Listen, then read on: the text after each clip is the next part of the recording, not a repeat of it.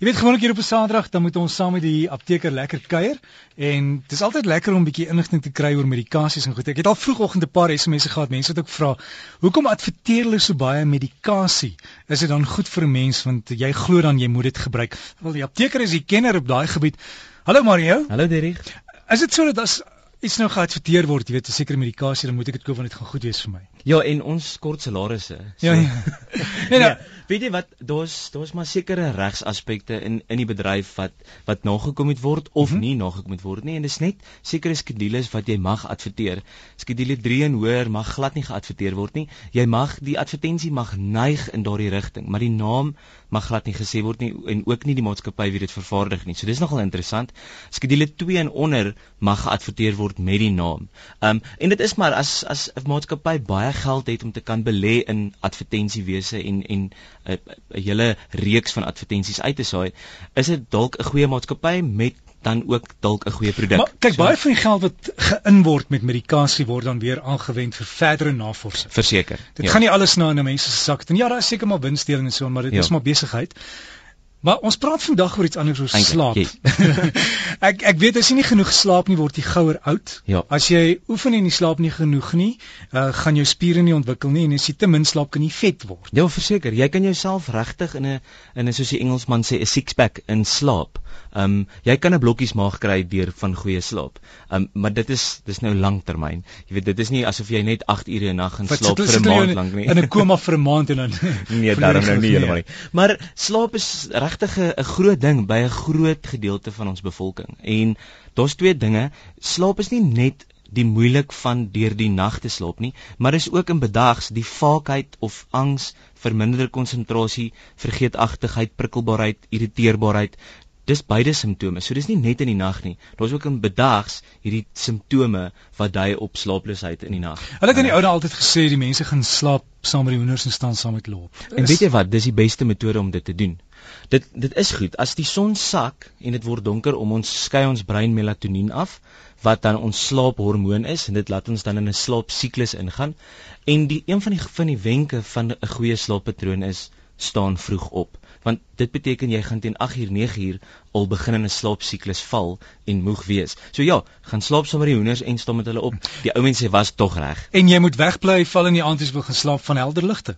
Helder ligte, fluoresent ligte, hierdie buisligte, kombuisligte, rekenaarskerms, TV-skerms, iPad of tabletskerms, dit is regtig 'n groot ewel en ons klim dit in die bed. Ons klim in die bed, sit die TV aan en dan hoop ons daar is 'n goeie teaterstuk op of 'n reeks op of 'n ding op en dan maak dit ons moeg en dit doen nie. Dit doen juist die teendeel. Dit skep 'n angs situasie by ons en spanning want iets lok jou na 'n 'n situasie wat dalk bedags by die werk gebeur het of môre moet gebeur en dan word jou brein aangeskakel en jy word jy word heeltemal uit jou slaappatroon uitgehaal. Ja. En dan is daar seker mense wat ook slaapmedikasie gebruik. Hulle drink 'n pilletjie of as hulle moet vlieg en nie kan slaap nie dan ja vergeet hulle op die vliegtuig in New York en dan vlieg hulle terug. Ja. So het Nee, daar's groot dinge. Kyk, die oorsaak is dis of sielkundig of farmakologies wat iets wat jy drink jou wakker hou of psigiatriese probleme of faseversteurings. Dit is dan die vlugfoosheid.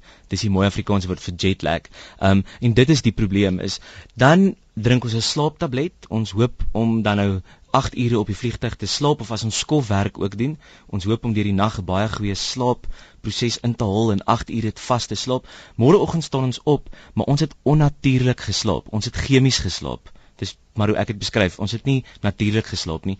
En is dit regtig die beste vorm van slaap? Ons is dalk wakker môreoggend, maar ons is nie noodwendig uitgerus nie. En daar's vir my 'n groot verskil daarin. Ja. Is daar natuurlike medikasie wat jy kan gebruik om jou te help slaap? Daar is, daar is natuurlike medikasie en die oor die toonbank slaapmiddels dink ek is veiliger as die voorskrif slaapmiddels. Die oor die toonbank slaapmiddels is baie antihistamiene verbonde en is antihistamiene wat ons dan lomerig maak. So dit is goed, maar dis weer eens 'n chemiese proses om jou aan die slaap te kry.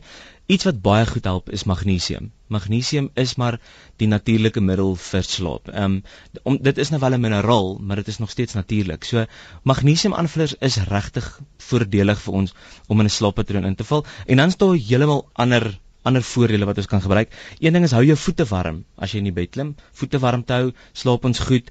Ehm um, slaap in 'n goed geventileerde kamer, slaap op 'n ferm bed. 'n Ferm bed help dat ons al ons spiere kan laat ontspan. Mense dink mense moet op 'n sagte bed slaap om dit te doen, maar jy kan nie. 'n Sagte bed verhoed jou om te laat ontspan. Dan moet 'n ander deel van jou lyf inspann om die ontspanne deel te help ontspan en dit kan nie werk nie. So ons moet op 'n ferm, harde bed eintlik slaap.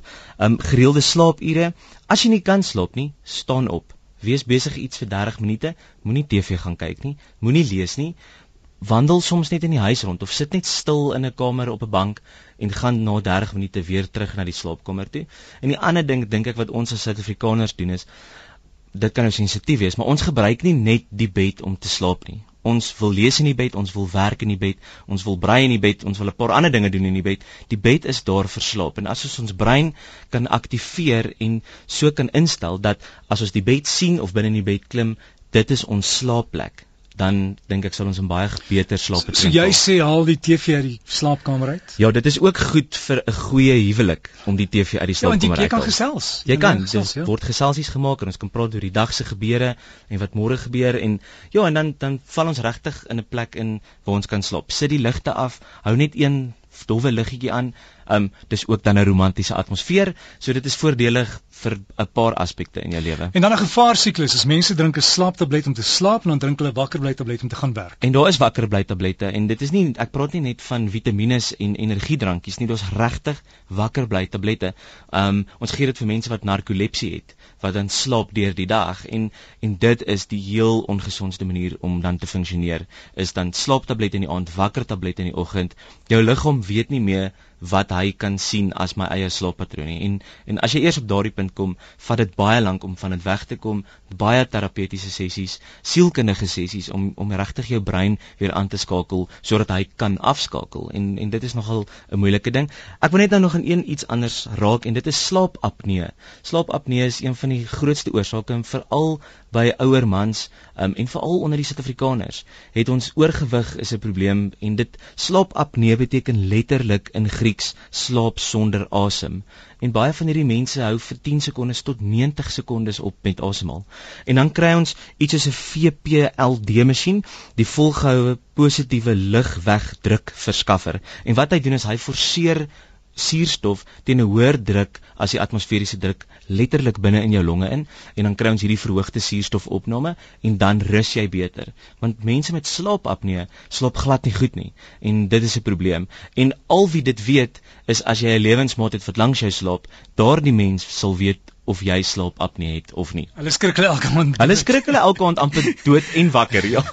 Ja, dis dis gevaarlik nie, maar reg, as as jy sê ek weet daar is sekere slaapklinieke wat jou kan help. Verseker. Maar die beste is praat met jou dokter, praat ja. met jou apteker. Ja, en moenie net altyd en jammer dokters wat luister, moenie net altyd aanvaar dat 'n dokter vir jou 'n slaaptablet wil voorskryf nie. Vra vir 'n alternatiewe metode of 'n natuurlike metode, probeer dit eers. As dit dan nie werk nie, gaan na 'n slaaptablet, maar gebruik dit korttermyn tot jy jouself geleer het om weer te kan slaap.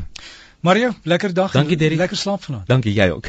so gesels ons dan met ons apteker hier op Breakfast met Derek, Mario Botha en hy self doen nog diens daar agter die toonbank, so hy weet wat se navraag daar deurkom, maar weer eens, jou dokter weet ook altyd beter, hy ken jou en as jy medikasie het, gaan vra met jou apteker en hulle kan vir jou verduidelik as jy iets moet kry, presies wat dit gaan doen en wat is die neeweffekte.